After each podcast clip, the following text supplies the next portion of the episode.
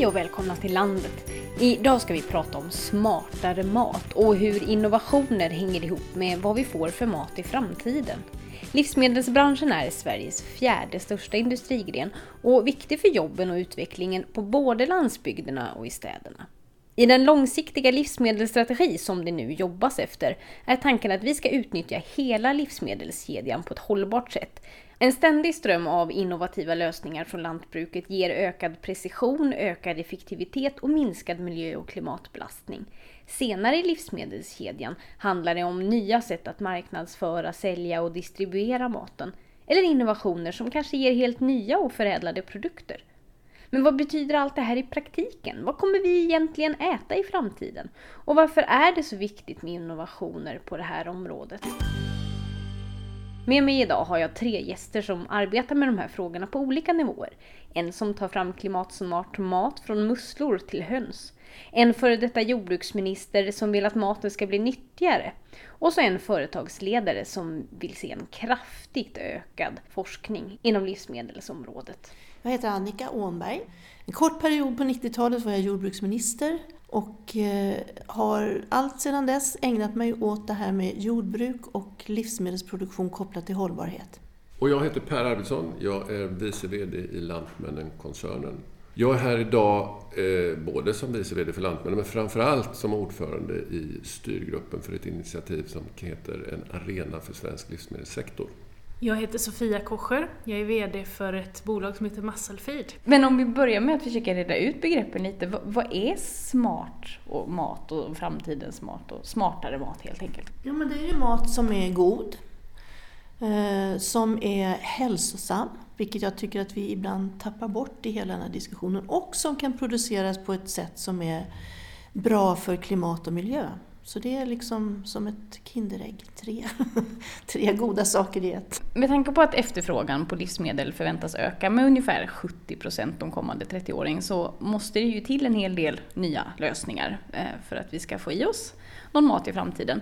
På vilket sätt kan innovationer i livsmedelskedjan då bidra till att lösa de här hållbarhetsfrågorna, det, det Annika? Alltså det, det, om vi inte kan eh, investera i eh, forskning och innovation och få fram nya lösningar då kommer vi helt enkelt inte att klara utmaningarna. Så det är avgörande som jag ser det.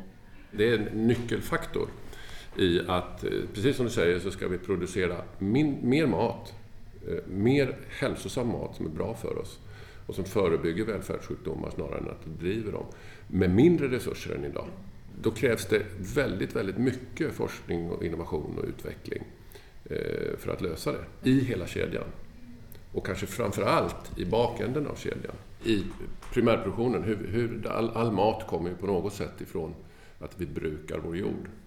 Då pratar jag liksom inte om fem eller tio miljoner mer, utan det är hundratals miljoner som vi måste stoppa in. Kan ni ge exempel på vad det här kan vara för typ av innovationer och nya lösningar? Musclefeed sitter ju där. Ja, precis.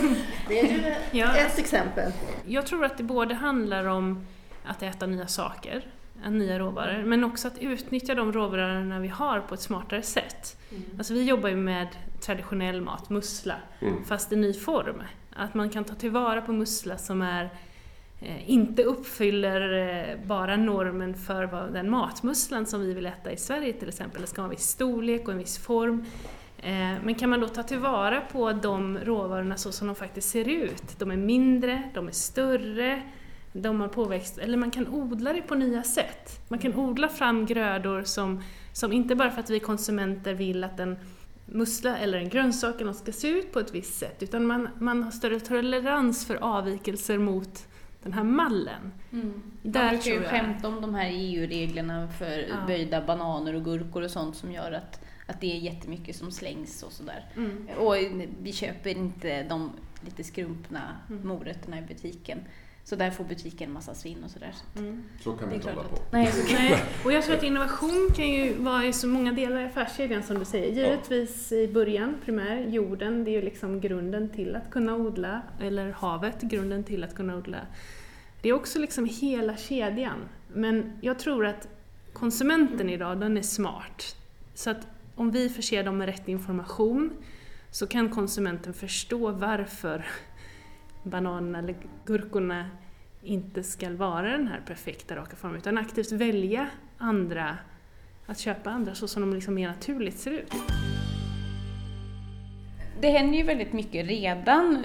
Vi pratar till exempel mer och mer om insektsfarmar och konstgjort kött och biobränsle och, och Eh, men också att gamla varvs och industriområden görs om till hållbara stadsdelar där man ska odla och sådär. Var skulle ni säga att behoven av de här innovativa lösningarna är som störst när vi pratar smart mat? Jag, jag ska ge dig ett tråkigt svar, för behoven är, det, är, det är återigen längs hela kedjan.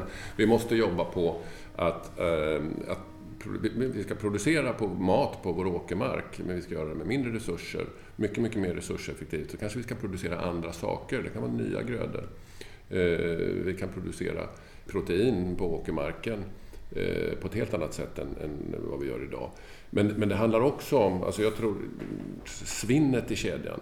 Alltså vi slänger ju så oerhört mycket mat. Det kan man trimma, optimera och slänga mindre såklart, men man kan aldrig komma ner till noll, utan då handlar det om att använda det till andra saker. Dagens avfall är morgondagens råvara. Därmed är det liksom innovationer och nytänk längs hela kedjan.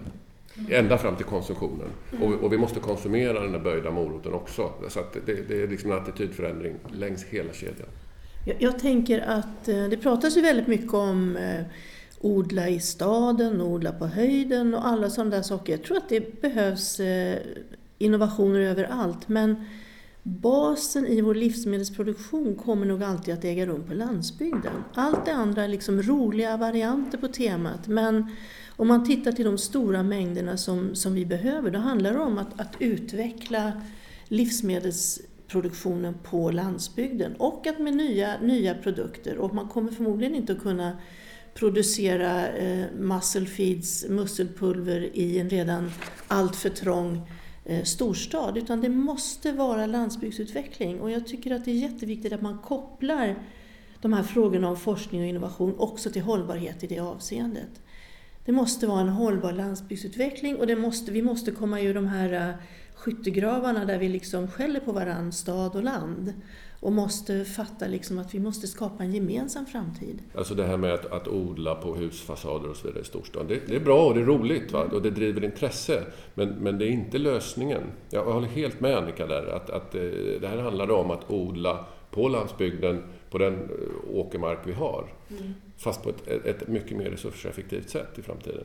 Det ena behöver inte ställas mot det andra, men, men ibland blir det lite överton på mm. att det skulle kunna vara lösningen att odla i stad. Det, det är det inte, det, det, men det är bra för det driver intresse. Plötsligt är det jättebra om man kan odla i kulvertar under jord med massor med liksom elektricitet för belysning och annan utrustning. Men mm. alltså, var det egentligen så väldigt miljösmart? Det är det är på något vis som att vi har lite olika måttstockar för, för olika typer av utveckling. Men all innovation, det är spännande och jag tror också så här att testar man 100 grejer så kanske det är 90 som går åt pipsvängen men 10 lyckas. Mm. Och det, det, får man ju leva med. Man måste förstå att det är så innovation går till.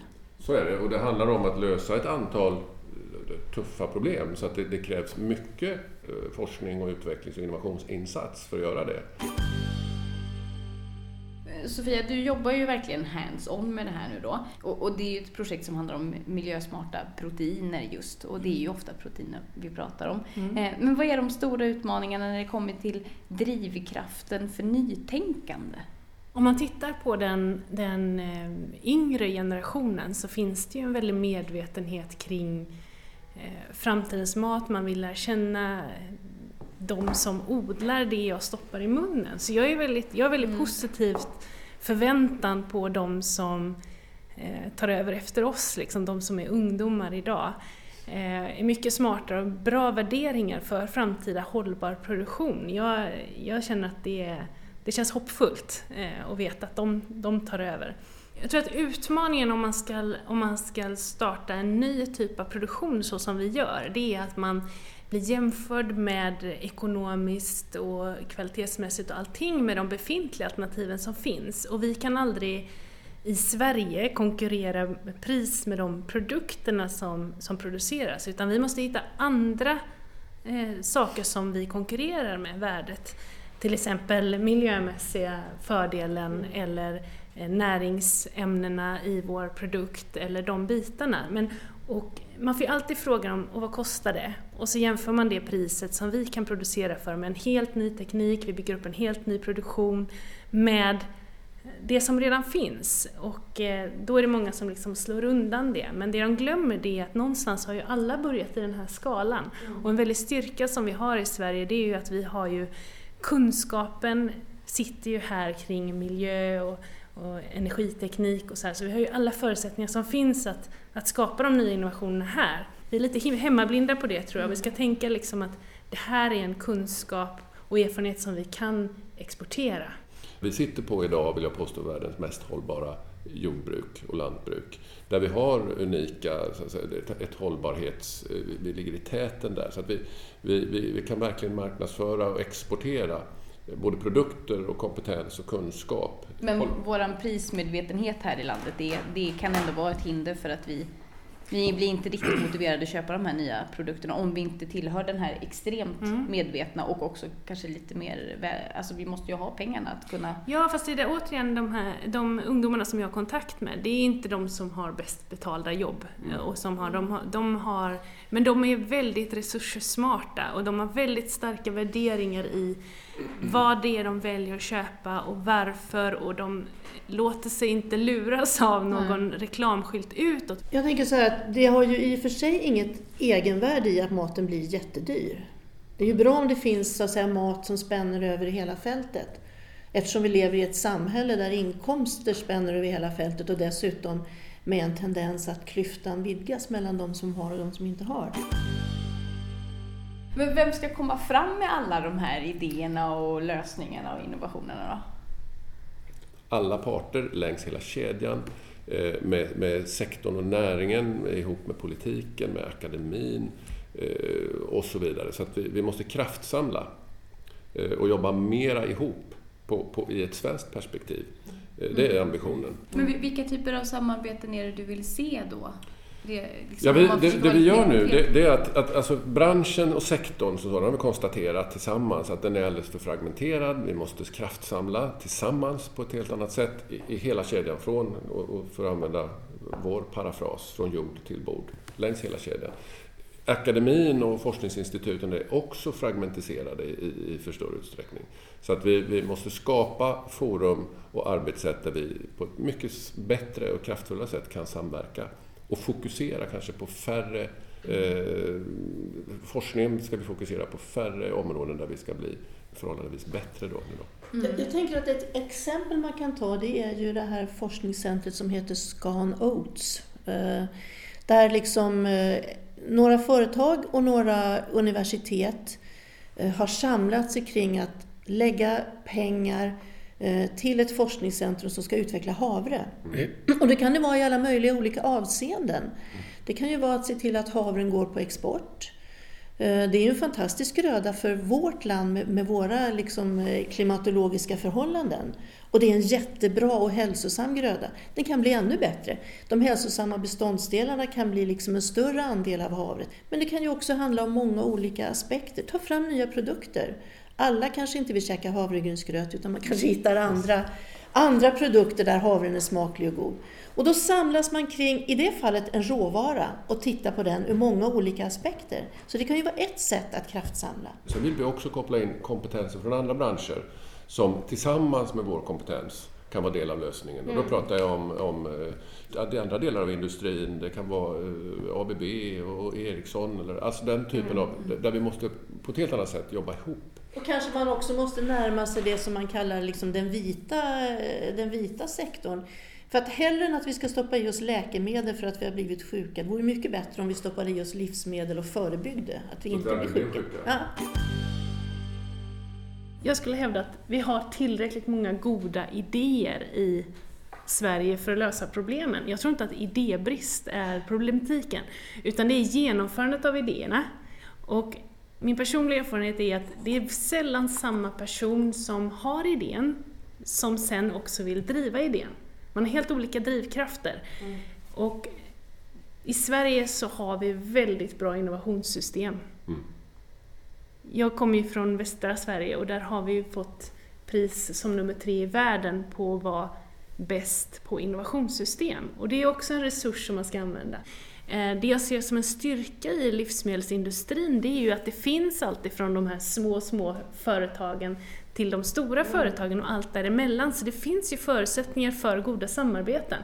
För ofta är det enklare om man är ett mikrobolag och samarbetar med ett litet större bolag som kan samarbeta med ett litet större bolag och ett litet större, än att ta steget från mikro till mega. Så att livsmedelsindustrin har goda förutsättningar att göra de samarbetena. Det handlar om att få mandat att göra det och att få driva de processerna. Innovationsprocesserna följer inte samma logik som processerna i en redan etablerat företag. Det finns massor med bra idéer eh, och så är det utmaningen att, att ta dem vidare och kommersialisera dem. Eh, så å ena sidan skulle jag drista mig till att säga då, i något perspektiv så finns det tillräckligt med idéer. Ur ett annat perspektiv gör det inte det, därför att det finns ett antal utmaningar som vi inte riktigt vet hur vi ska lösa. Det är därför jag säger att vi måste satsa mer, alltså vi måste ha mer idéer, om jag, om jag tar ett lite längre perspektiv, eh, på en, en hållbar cirkulär livsmedelskedja. Men eh, om man tänker då utifrån eh, eh, jag som ska äta den här maten, vi har pratat om det, att den ska vara hälsosam, att det är väldigt viktigt, att jag får i mig alla näring, all näring jag behöver och sådär. Eh, samtidigt som den ska vara bra för den som producerar, för den ska kunna tjäna sitt levebröd av det. Finns, det. finns den perfekta måltiden som, om man tänker på både de som ska äta och de som ska producera? Oh, den perfekta måltiden. Ja, men jag tänker att, ja, men jag tänker att det finns flera perfekta måltider. Mm. Det finns det absolut. Det är ju varierad, varierad kost både ur näringssynpunkt och miljömässig och så vidare. Man vill ju odla olika grödor och så här. Jag tänker om man går tillbaka till, eller man tittar på vad jag serverar mina barn på matbordet idag. Och så tänker jag på vad jag själv blev serverad som barn. Och så tänker jag vad min farmor serverade sina barn. Det är inte så många generationer bort. Och det finns några få rätter som lever kvar, som man kanske har i tradition, som man tar fram på jul och högtider och så här för att man har en nostalgisk bild av det. Eh, men det har ändrat sig ganska mycket. Mm. Och vi har ett enormt utbud som vi liksom har vant oss vid. Och, och det vill vi ju inte ta bort. Vi vill ju ha möjlighet att kunna välja där också.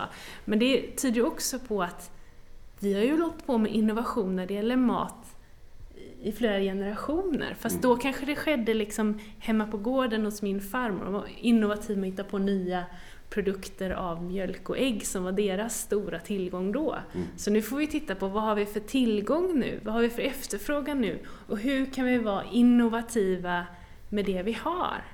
Ja, jag, jag håller med om det. Och, och den perfekta målet, alltså jag skulle kunna ställa en motfråga då. Det beror på var, var du sitter i världen och vilken årstid det är. Alltså, det, det är en massa förutsättningar.